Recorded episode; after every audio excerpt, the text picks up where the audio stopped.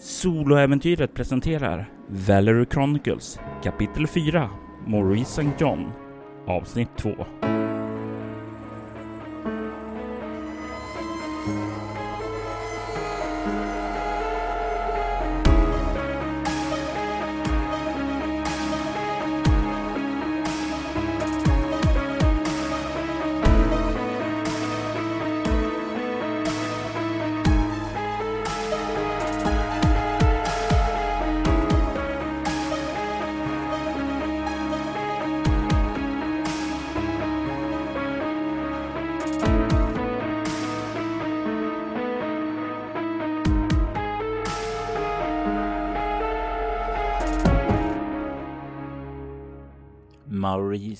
John anlände till Bethel för The Society of Leopolds räkning.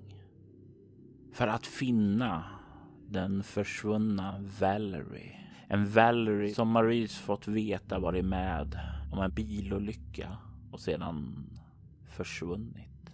Han fick även höra rykten om saker som pågick här i trakten. En eh, mystisk och obehaglig väckelsekyrka och någon form av milis ute i vildmarken. Men det som kanske fick hans uppmärksamhet mest var de där silverkulorna på olycksplatsen. De som indikerade på att det finns varulvar här i trakten. Maurice, vad går genom ditt huvud nu när du står här på olycksplatsen? När du har funnit de här olika bevisen. Vad tror du har hänt? Hade jag bara varit en vanlig man så hade mitt hjärta bultat hårt nu. Jag hade haft andan i halsen. Jag hade känt skräcken komma krypande. Men det var några år sedan jag var en vanlig man. Jag har tränat länge för det här. Philippe Renard och sällskapet som står bakom mig har gett mig verktyg för att hantera rädsla inför det okända. Systematiskt letar jag efter spår. Tittar upp snabbt. Blicken går runt. Flera gånger i minuten för att se om någon närmar sig. Lyssnar hela tiden. Jag nickar för mig själv. Jag börjar se ett mönster. Jag bara har en, en teori men det saknas ett par viktiga pusselbitar. Vad är din initiala teori? Vad är, säger din magkänsla har hänt? Någonting har hänt på festivalen. Någon har antingen velat använda sig av Valerie och hennes förmågor. Eller göra sig av med henne. Jag plockar upp de här silverkulorna. Jag tittar på dem misstänksamt. Jag tror inte det är varulvarna. Jag tror inte det är ett villospar. Därför att varulvarna tycker inte om The Ascendant Church. Och det var här hon åkte av vägen. Antingen är det två faktioner som är ute efter Valerie. Eller så försöker någon kasta skugga över varulvarna. Nej. Jag är inte övertygad om att det är varulvarna trots silverkulorna. Det verkar för påpassligt. De hade kunnat övermanna henne med våld på många andra sätt. Mm, jag tror att någon... Jag tror hon är fången någonstans. Frågan är om hon är uppe på gården. I kyrkan. Jag kommer inte kunna ta reda på det innan kvällen kommer. Jag tror att hon är fången på gården. The Ascendant Farm. Men jag tror inte det är varulvar som är där uppe. Då hade inte Roderick reagerat som han gjorde. Nej, det är någonting annat det här. Vad det är vet jag inte riktigt än. Men jag tror det är något annat som har tagit Valerie. Antingen har varulvarna varit på platsen och sett det hända. Och så har det utbrutit en strid. Eller så har någon försökt skylla på det. Frågan är vem som har jagat henne. Om det är kyrkan eller om det är någon helt annan. Och var är de andra? Det har jag ingen aning om. Det är många jag behöver prata med. Jag är lite orolig över tiden på dygnet. Jag vill inte vara ute på vägarna i natt under natten. Natten är deras tid. Jag plockar med mig i mina bevispåsar silverkulor. Det som jag hittar. Ja. Och eh, jag ber en bön om vägledning och om att Valerie ska vara säker. Herre, led mig till henne. Var min lykta i mörkret. Gör mig till ditt redskap så att jag kan befria henne. Jag vet att dina planer för henne är långt större än dina planer för mig. Jag vet att jag bara är en hammare i din snickarhand. Medan hon är som en ritning över en katedral. Jag är inte ens den minsta spik eller planka i den katedralen. Men kanske kan jag komma till nytta av att den kan bli byggd en dag. Så jag sätter min lit till dig, Gud. Jag vet att du kommer leda mig i det här. Jag kommer inte frukta. Jag står iklädd Herrens rustning, som Efesierbrevet säger. Jag står med din fulla kraft. Jag eh, försöker bege mig tillbaka till bensinstationen innan luften helt har gått ur däcket. Du kliver in i bilen efter att ha sagt den där bönen och börjar vända bilen och åka tillbaka. Har du en klar känsla av att Gud brukar höra dina böner? Jag tror att Gud alltid hör mina böner, men att det är omöjligt för mig att förstå hans vägar och hans val. Det är inte upp till mig att bedöma eller döma Herren. Det är bara att acceptera att det är som det är. Så länge man gör sitt bästa, så länge man följer hans väg så kommer himmelriket ändå vänta. Du kommer upp mot den här avtagsvägen som leder upp till kyrkan och du hör ljudet av någonting som smäller till och du känner hur hela bilen kränger till och jag vill att du slår ett Wits Drive svårighetsgrad 7 när du känner hur bilen vinglar till av obalans. Det blir en success. Du behöver inte oroa dig för att bilen ska volta eller köra av utan du kan trycka bromsen på det och stanna säkert. Jag öppnar snabbt handskfacket och drar ut min revolver.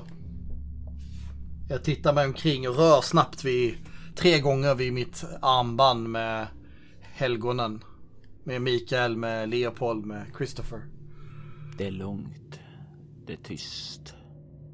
Det är behagligt här ute.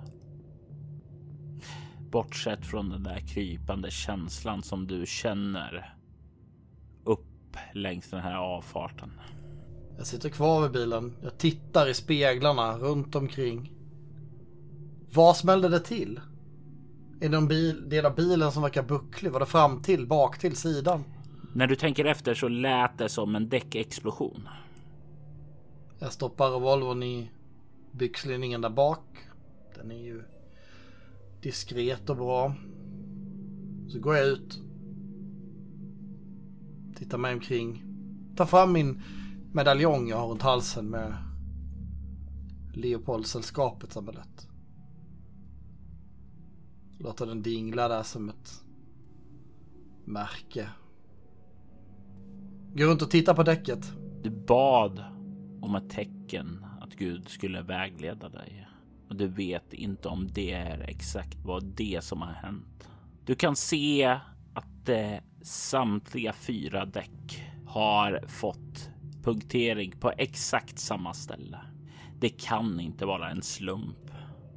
Antingen så har Gud hört dig eller så har djävulen hört dig.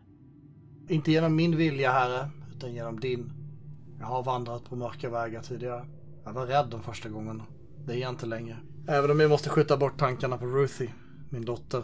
Hon är så liten. Hon vet ingenting annat än Guds totala kärlek. Hur gammal är hon? Ruthie är bara ett. Hon har precis börjat gå. Så fort det går när de börjar lära sig gå. De är snabbare än man tror de där små. Tultar omkring, springer. Daddy, daddy. Det är det enda hon kan säga. Och mam förstås. Mary Louise är en sån fin mor.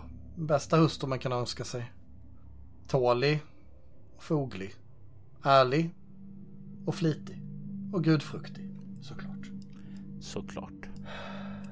Jag andas några djupa andetag. Jag tänker på Philippe Renard. Jag tänker på den mentala träningen som jag har fått.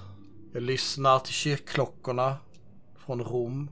En meditationsövning som jag lärt mig sedan länge. Jag gungar nästan i takt med att jag hör klockorna från, från patriarkernas kyrka. Där Guds klippa byggde sitt fundament. Jag andas in. Hade velat göra mer innan jag kom hit. Jag har inte fyra däck. Jag tar ut ett papper ur attachéväskan. Tar ut kameran och stoppar i fickan. Mm. Och jag tar även fram kofoten som jag har med mig. På pappret så skriver jag om jag inte är tillbaka bor ondskan på Ascendant Farm. Vi må ha olika mål, men den ondskan som bor där vill du inte se i din värld. Ta ditt pack och kom. Om inte i min Guds namn så i din. Och så signerar jag med min reservoarpenna och viker ihop pappret till ett litet kuvert och på framsidan så skriver jag Mr R Donahue. Lägger det under höger framdäck, den delen som är bort från gården. Så att det inte är omedelbart synligt men kanske går att hitta. Sen går jag upp mot eh, gården men jag går inte stigen. Jag, jag försöker ta mig genom skogen. Jag vill att du slår ett Dexterity Stealth svårighetsgrad 6. Inte min finaste gren kan jag säga. Men en success, 732. Kanske tack vare änglavakten som råder över dig så lyckas du hålla en diskret profil när du rör dig genom skogen.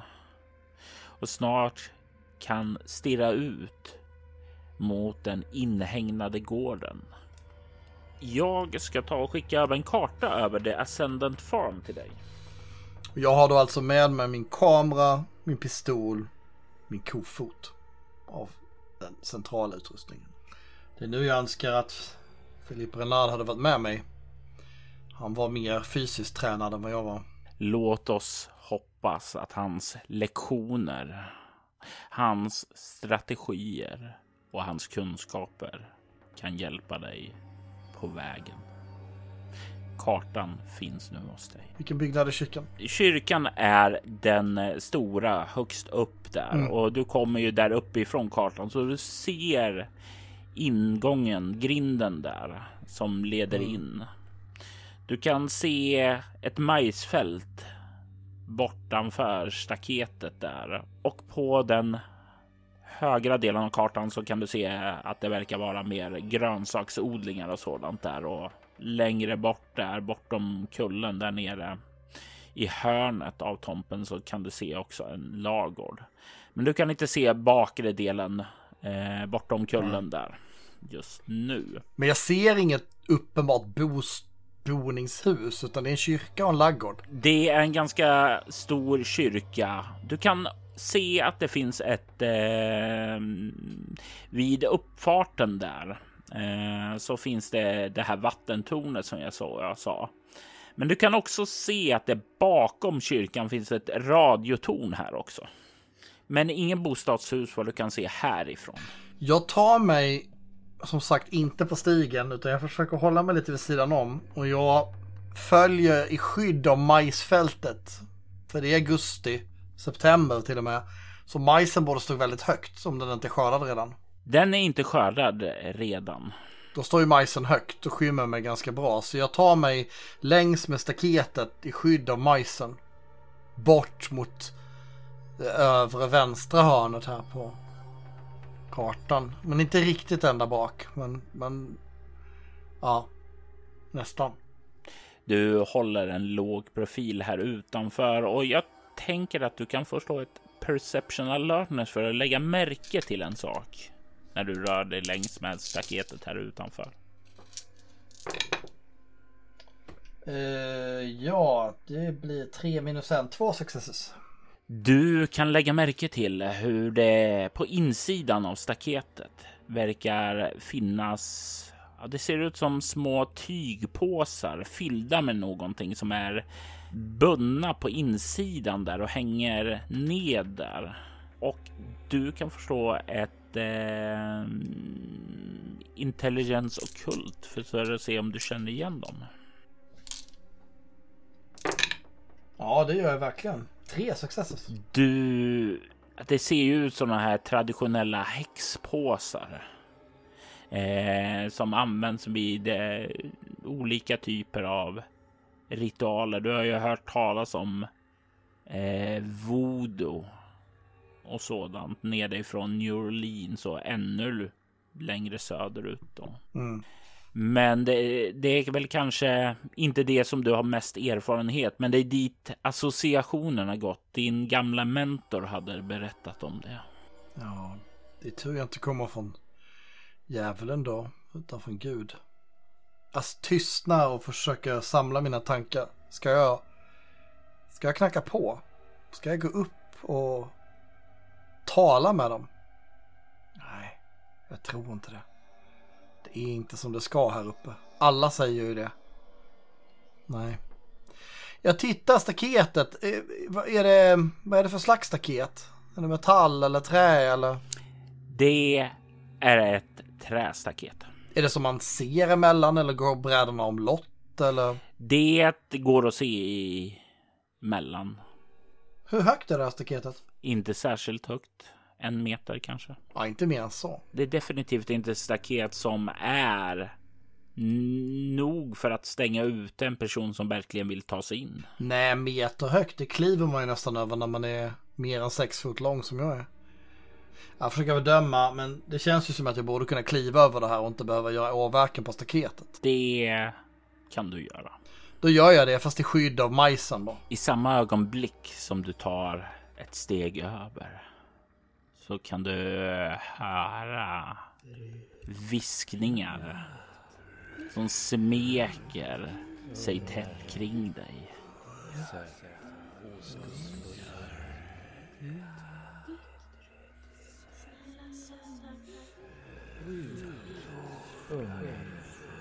Din dotters namn viskas omkring dig när du tar steget in och sen så tystnar det.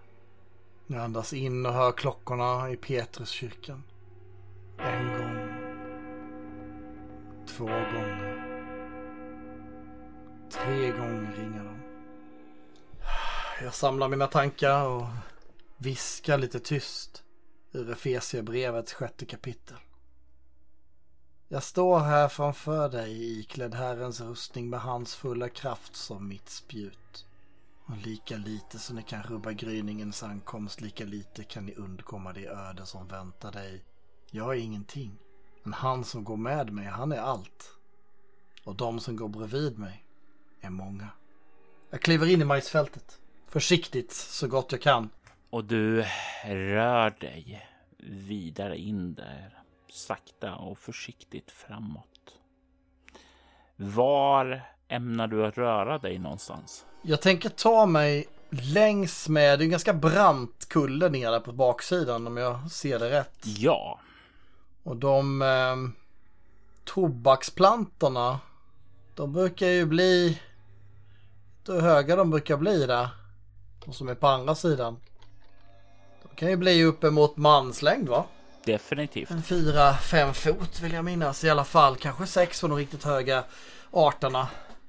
Jag, eh, jag tar det som ett tecken. Jag tänker att jag är inte riktigt beredd att kliva in i någonting än. Jag följer som sagt baksidan där för att jag spanar upp mot radiotornet men jag håller mig ganska tryggt mot, mot väggen där. Ser jag, något, ser jag det där huset som är på andra sidan när jag kommer runt? Så? Ja, när du tar dig förbi den här branten upp och passerar förbi radiotornet och vidare ned längs staketet här på insidan så kan du lägga märke till tobaksfältet där lite längre fram och ja, även på kullen. Alltså, ja, inte högst upp på kullen, utan det är en liten nedsläppning till en liten platå. Där kan du se hur eh, det är en bostad. En mm. villa, en rejäl villa där. Ser jag några människor? Klockan är ju nu efter 18 och du kan inte se några människor ute på gårdarna där. Men du kan ana ljus uppe i bostadshuset och uppe i kyrkan.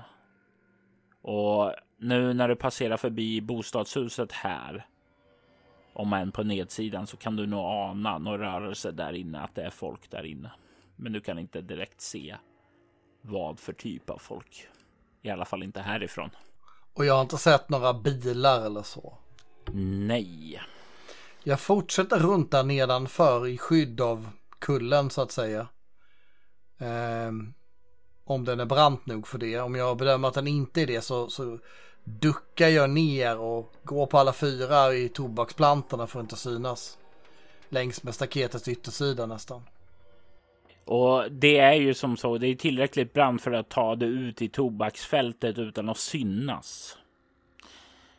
Och när du kommer ut i tobaksfältet så kan du lägga märke till två saker. Utanför bostadsvillan så kan du se mm. att det står en bil parkerad där som du inte såg tidigare. Och du kan även lägga märke till en annan sak. Du ser att det är en liten eh, större grön fläck där i södra delen av kullen. Mm. Det är en gruvgång som leder inåt där. Och det är någonting som liksom verkligen nästan kryper av eh, obehaglig stark känsla när du ser den. Det är därifrån den här obehaget du kände tidigare verkar komma. Mm. Det är, verkar vara ganska starkt centrerat där. Jag väntar med att gå in där. Jag vill hitta Valerie, det är därför jag är här. Även det finns all anledning att bekämpa ondska. Jag smyger bort längs tobaksfältet. Mitt mål är att jag ska ta mig bort till bortre långsidan så att säga i skydd från allting på, på ladan där borta. Om jag inte ser någon människa förstås som vi måste undvika. Du börjar närma dig ladan. Och när du kommer lite närmare där så kan du höra röster som pratar. Jag tänker mig att du kan förslå ett eh, intelligence linguistic. Botch.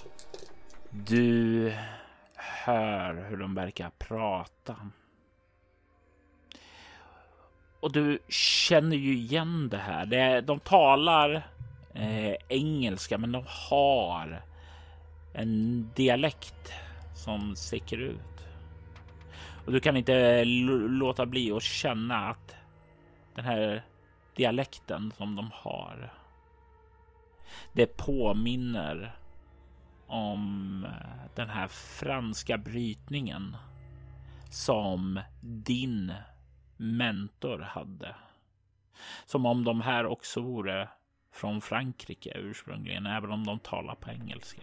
Står de? Ser jag dem? Eller bara hör dem? Du hör dem. Du kan se att eh, det, det verkar komma inifrån lagården. Eh, som om eh, de är där inne och verkar prata och du tycker dig snappa upp någonting om att eh, lasten är säkrad och allting är under kontroll. Om de inte är på utsidan så kommer jag försöka att göra en liten rush för att komma förbi det där området mellan tobaksfältet och skyddet av, av den bortre långsidan där som är skydd mot kanten. Jag vill att du slår ett Dexterity Athletics här för att se hur väl det går för de kommer att vara på väg ut när du börjar ta tag i det här. Två ynka tärningar blir en success. Det är ju inte nog för att komma fram. Men det är nog för att hinna bromsa och retirera tillbaka in i skydd om du vill mm. det. För att ja, inte upptäcka. Absolut. Absolut. Du tar några steg ut på väg och ruschar framåt där när du hör fotstegen och dörren knaka till och de verkar eh, skjuta upp den och börja kliva ut. Så då, när du duckar tillbaka där så upptäcker de inte dig. Du kan se hur den ena verkar ha kavlat upp armarna. Du kan se skjortan är lite uppknäppt. Han verkar Ja, han verkar svettig som han har arbetat med någonting. Du Kan se också att han, hans händer är lite blodiga. Och han går bort till en spann med vatten för att tvätta ren sig. Den andra verkar inte ha ägnat sig åt fysiskt arbete, utan han verkar vara mer, ja, hur ska man säga, märka mer uppmärksamt och vaksam som om han haft, ja, du skulle nog säga att han har nog haft vakttjänst snarare. Båda de här är beväpnade. Den ena har en revolver i sidan. Den andra som hade vakttjänst. Han har ett gevär som hänger över axeln i en rem då. och du kan eh, höra hur eh, den som eh, tvättar sig verkar vända sig åt sin kollega och säger okej, okay, eh, så det är bara det då, men eh, vet du varför Wade vill att vi gör det här? Inte en aning. Jag vet bara att han han vill göra en poäng av det här för Valerie. Okej, okay. jag, jag, tycker lite magstarkt här. Ja, vi gör som Wade säger. Om vi gör det så kommer han att ta hand om oss. Ja, ja, ja, vi, vi gör väl så. Var, var är han nu? Han eh, är ute för att fixa i ordning lite. Han måste hålla kolla på eh, lupinerna. Okej, okay. och Valerie? Hon är där uppe och kommer att förberedas för att bli vår moder. Okej. Okay. Och den här vakten kollar nu bort emot eh, sin kollega och säger. Jag skulle föreslå att du går in och kör runda två. Och han ler lite till svar och säger. Herrens arbete tar aldrig slut. Och sen så ler han lite sadistiskt och börjar kliva in i lagården igen. Medan den andra ställer sig där ute. Jag ber en bön för de som är kvar där inne. Hur uppmärksam är han som är där ute? Ditt intryck är att han verkar relativt uppmärksam. Han är, har vakttjänst och han verkar ta plikten på allvar. Jag väntar tålmodigt. Jag vet vad som väntas. Jag ber en bön till, till Mikael. Och jag ber en bön till Sankt Franciscus. Som alltid ser till de svaga och utsatta. Att han ska ta hand om den eller de som är där inne i lagården och som nu utsätts för det fruktansvärda våld som jag bara kan föreställa mig. Du kan inte bara föreställa dig. Du kan även höra då den första pisksnärten hörs och följs av ett manskrik. Din smärta är rättfärdig, tänker jag. Det du gör nu, det är att du begår ett offer. Det finaste man kan göra är att bli en martyr för den större saken. Och det du gör nu, det är att du ger Valerie en chans, min vän. Bit ihop och känn att Herren Jesus Kristus kommer att belöna dig i evigheten. Jag väntar tills han där ute, för det hoppas jag att han gör, rycker till vid något tillfälle när skriken är särskilt höga eller det smärtar till på något sätt som gör att han vänder sig om och tittar in. Och då backar jag snabbt genom tobaksfältet. Och så ligger jag blickstill igen. Pulsen, den är förhöjd. Och du känner där i några sekunder den här nervositeten om blev jag upptäckt? Eller är jag trygg? Och sen så verkar du inse att du fortfarande är oupptäckt. Herren leder mig på de vägar han ser är de rätta vägarna. Ja, jag misstänker att jag vet vem som är där borta.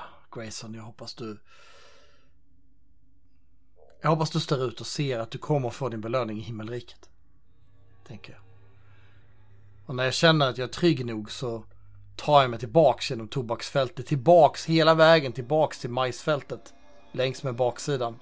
Ungefär till där, där branten inte är riktigt lika brant. När jag börjar se att det åtminstone är hanterbart att ta sig upp för branten på sidan av kyrkan. I norra änden av farmen, från majsfältet till. Jag tänker mig att innan du når dit så vill jag att du slår ett perception alertness igen. Och svårighetsgraden är 6.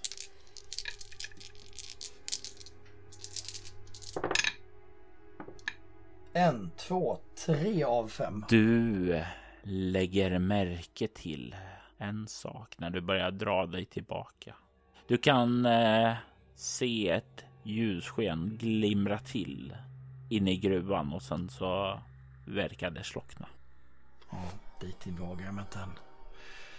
Hade Filippo Ronaldo varit med mig så hade vi hade vi redan varit på vägen. Han hade gått rakt in utan att tveka. Men han är modigare än vad jag är. Jag är här för Valerie. Jag måste tänka på det.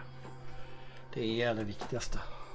Hon är katedralen. Jag är bara en hammare i Guds hand. Molnen har dragit in på kvällshimlen. det en gång så fina vädret börjar skifta. Klockan när du liksom börjar smyga tillbaka och kommer upp dit till majsfälten. Ja, den har hunnit ticka på och klockan Klockan är nästan åtta.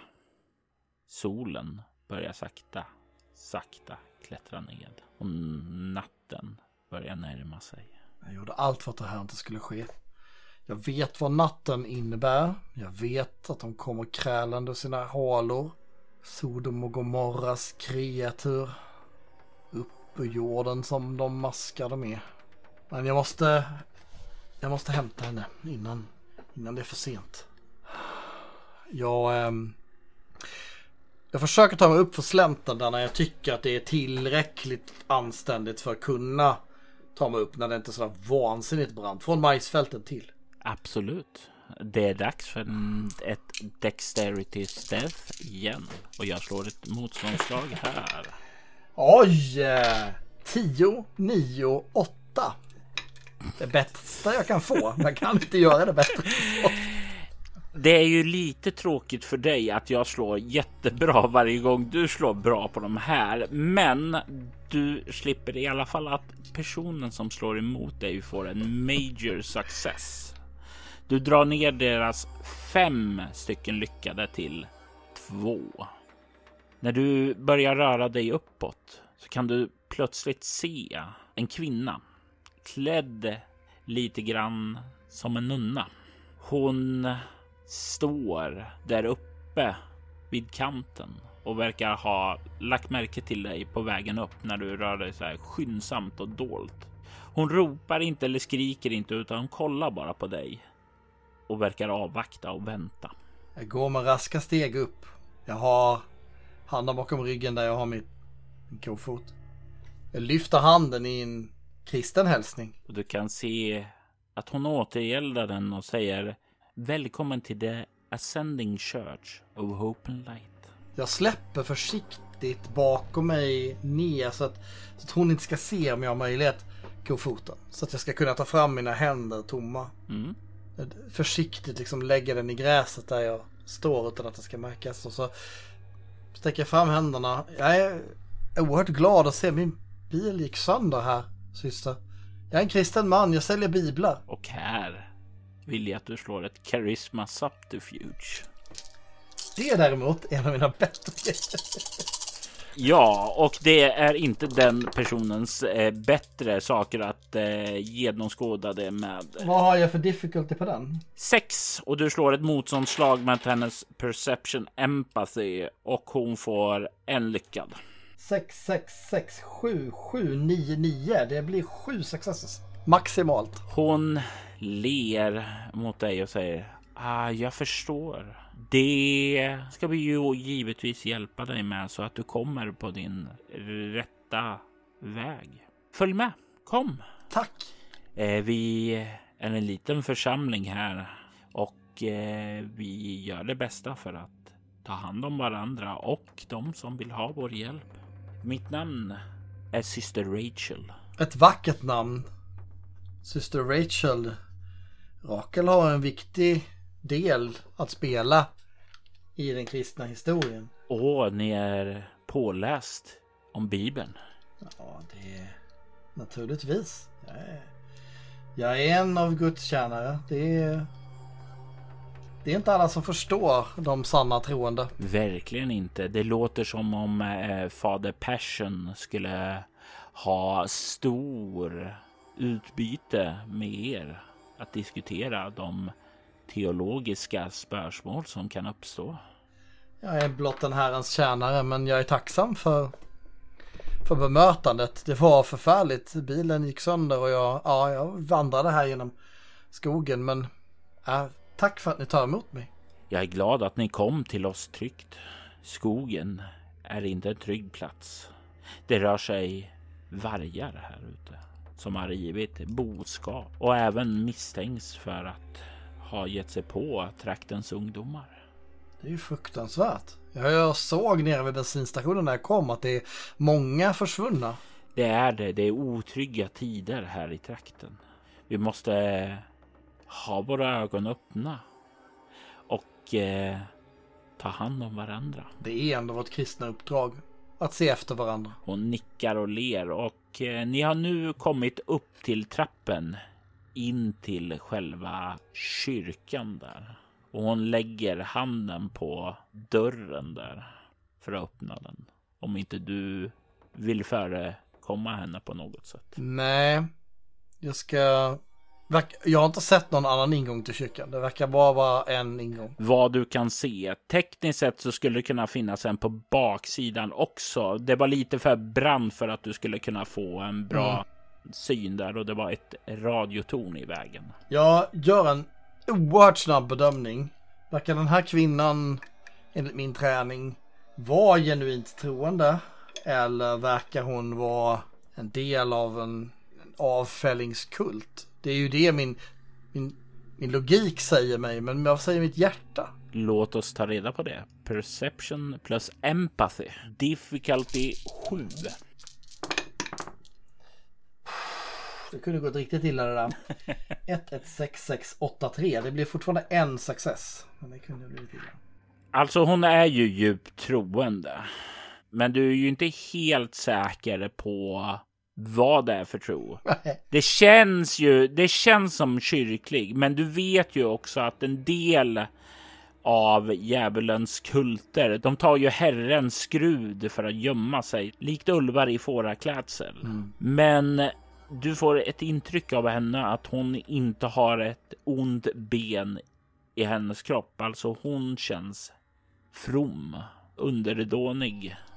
Vad var det, det du sa? Eh, foglig och eh, gudstroende. eh. Så är det. Det är viktiga och goda egenskaper. Underkastelse är en del i att förstå Guds evinnerliga kärlek. Att inte tro sig för mer än Herren som skapat jorden. Vad var vi när det skedde? Jag låter henne öppna dörren. Jag kan inte med mig själv att att bära hand på en kvinna som uppenbarligen i sämsta fall är ett oskyldigt offer i det här. Men jag är mycket vaksam för att se vad jag möter där inne. Du kollar in i en... Att det ser ut som en kyrka. Påminner väldigt mycket om en eh, eh, sån här stor kyrkosal där med bänkar uppställda och det finns ett, eh, en liten upphöjning i bortre delen av rummet. En liten, liten scen där det finns en predikstol där också. Det ser ut som en ställe där det hålls gudstjänster. Det finns dock en sak som skiljer sig mot de vanliga. Det är att det finns inga kors här inne, utan det är den här The Ascending Star istället. På upphöjningen där så kan du också se en eh, dörr i den vänstra delen och en dörr i högra delen som verkar leda till den privata delen av kyrkan. Du kan även se att ni inte är ensamma här. Det finns ett flertal andra systrar här som håller på att eh, tända olika ljus, sätter upp eh, sådana här siffror för bibelverser och den typen av saker. De verkar göra ordning för en predikan ikväll. Har ni mässa ikväll, syster Richard? Varje kväll så håller fader Persson en tal, en mässa eller en enkel bön. I vår tro så skall vi finna frälsning. Han nickar gudfruktigt. Så är det. Jag tittar omkring efter spår efter idéer om vart hon kan hållas. Hon förbereds. Sakristian. Jag vet ju att sakristian brukar vara bakom själva altaret. Bortom, framme. Kan det vara någon av de här dörrarna tänker jag? Det känns ju som det rimligaste. För eh, det finns ingen annan ställe där den skulle kunna vara. Eh, finns det... Ja, det här var förmodligen en protestantiskt arrangerad kyrka. Så det kanske inte finns något vigvatten innanför dörren. Det finns vigvatten där innanför dörren. Jag doppar mina fingertoppar. Gör ett kors. Jag ber inte till deras gud. Jag ber till min. Såklart. Jag känner vätskan när jag korsar mig Över pannan, över läpparna, över bröstet.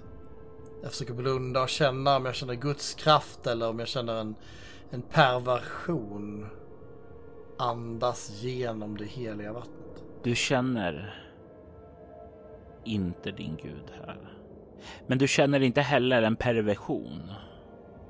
Det känns bara som vanligt vatten. Jag spelar med och nickar. Vilken vacker kyrka.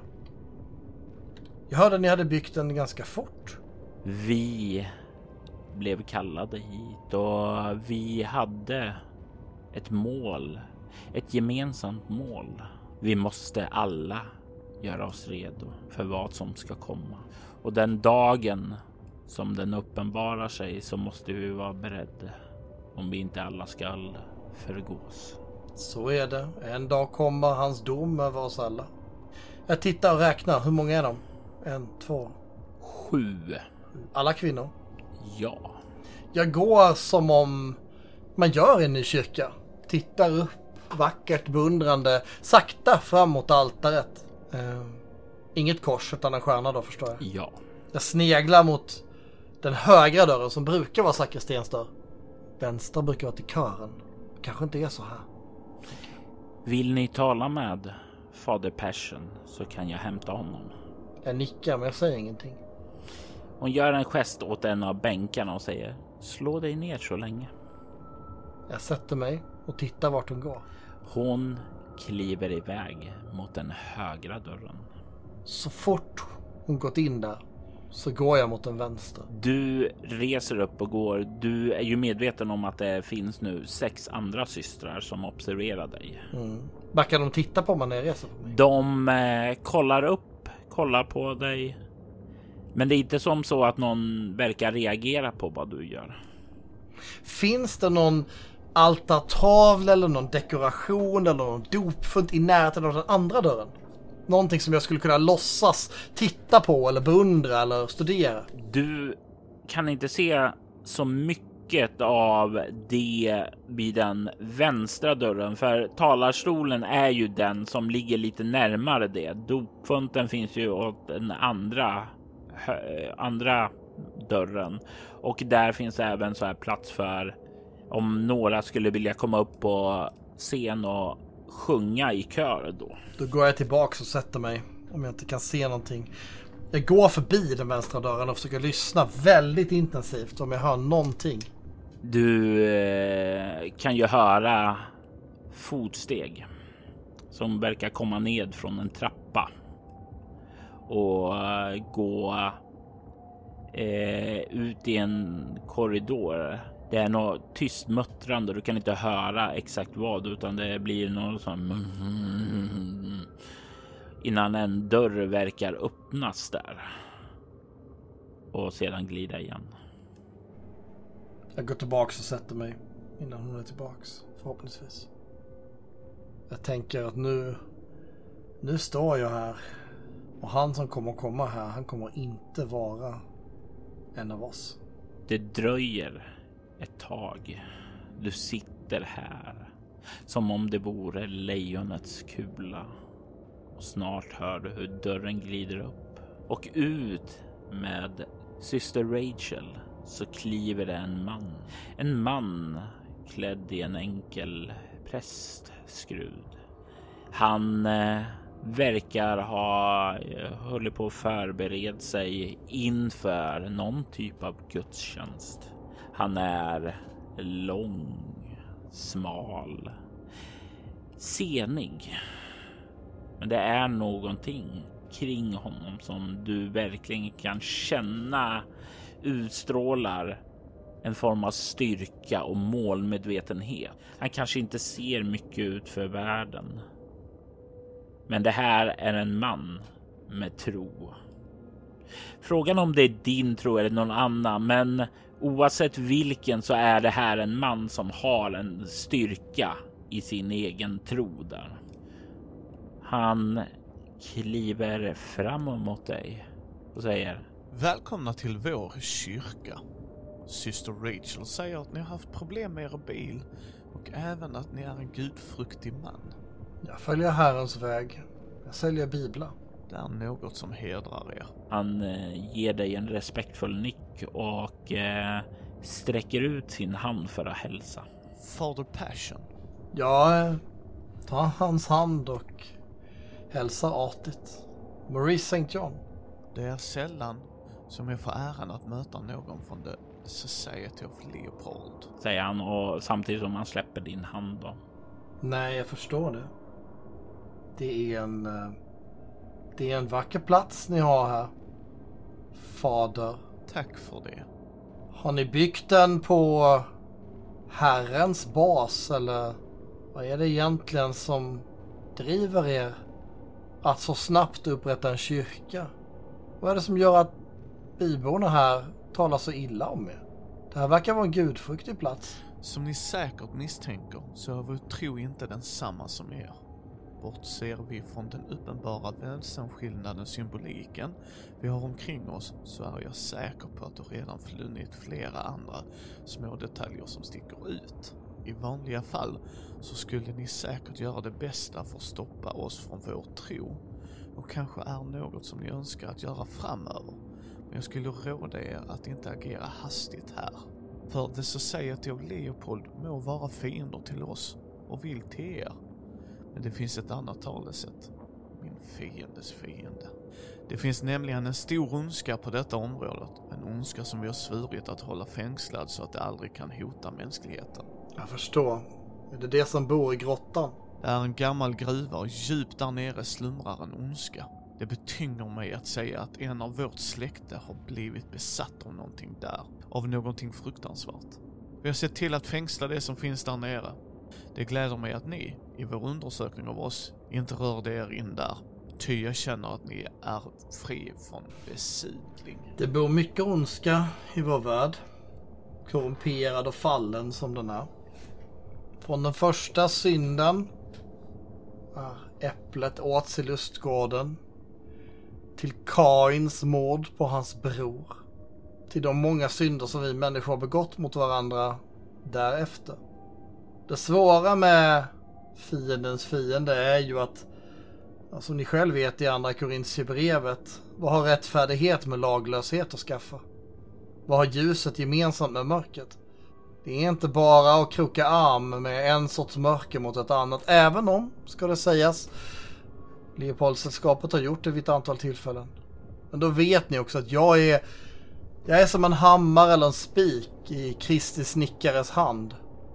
Det är inte jag som är hotet här.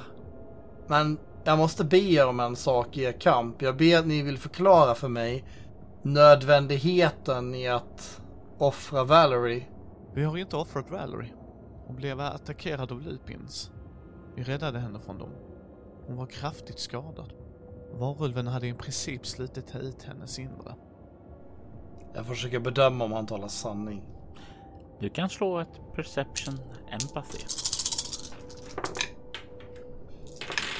En, två, tre. Ja, det beror på vad det är för difficulty. Sex. Men fyra av sexton. Du får ändå en ganska bra pejl på honom här. Han verkar inte göra mycket för att dölja sina motiv.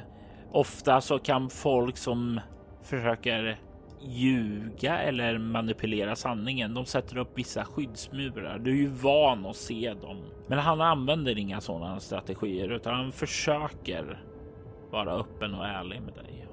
Och hittills har han inte ljugit.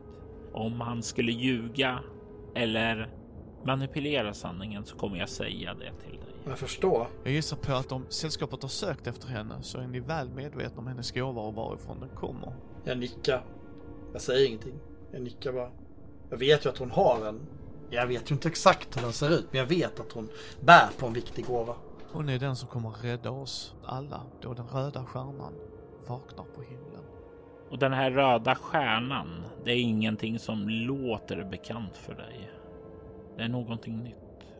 Men du är inte förvånad att det dyker upp något med stjärnan med tanke på all dess ikonografi. Men om ni, Fader Persson, eh, har vadat henne tillbaks till hälsa och hjälpt henne och ni är hennes vänner i detta. Vad är ett syfte med att hålla henne här? Är, är hon frisk nog att flyttas kanske? Inte än, men hon är på bättringsvägen. Och varför låter ni då tortera männen i lagården? Du kan se att när du säger det så blir han lite sådär konfunderad. Det här verkar vara nyheter för honom. Två män misshandlar vad jag bara kan anta är hennes vänner. Säger att Wade vill att det ska statueras ett exempel.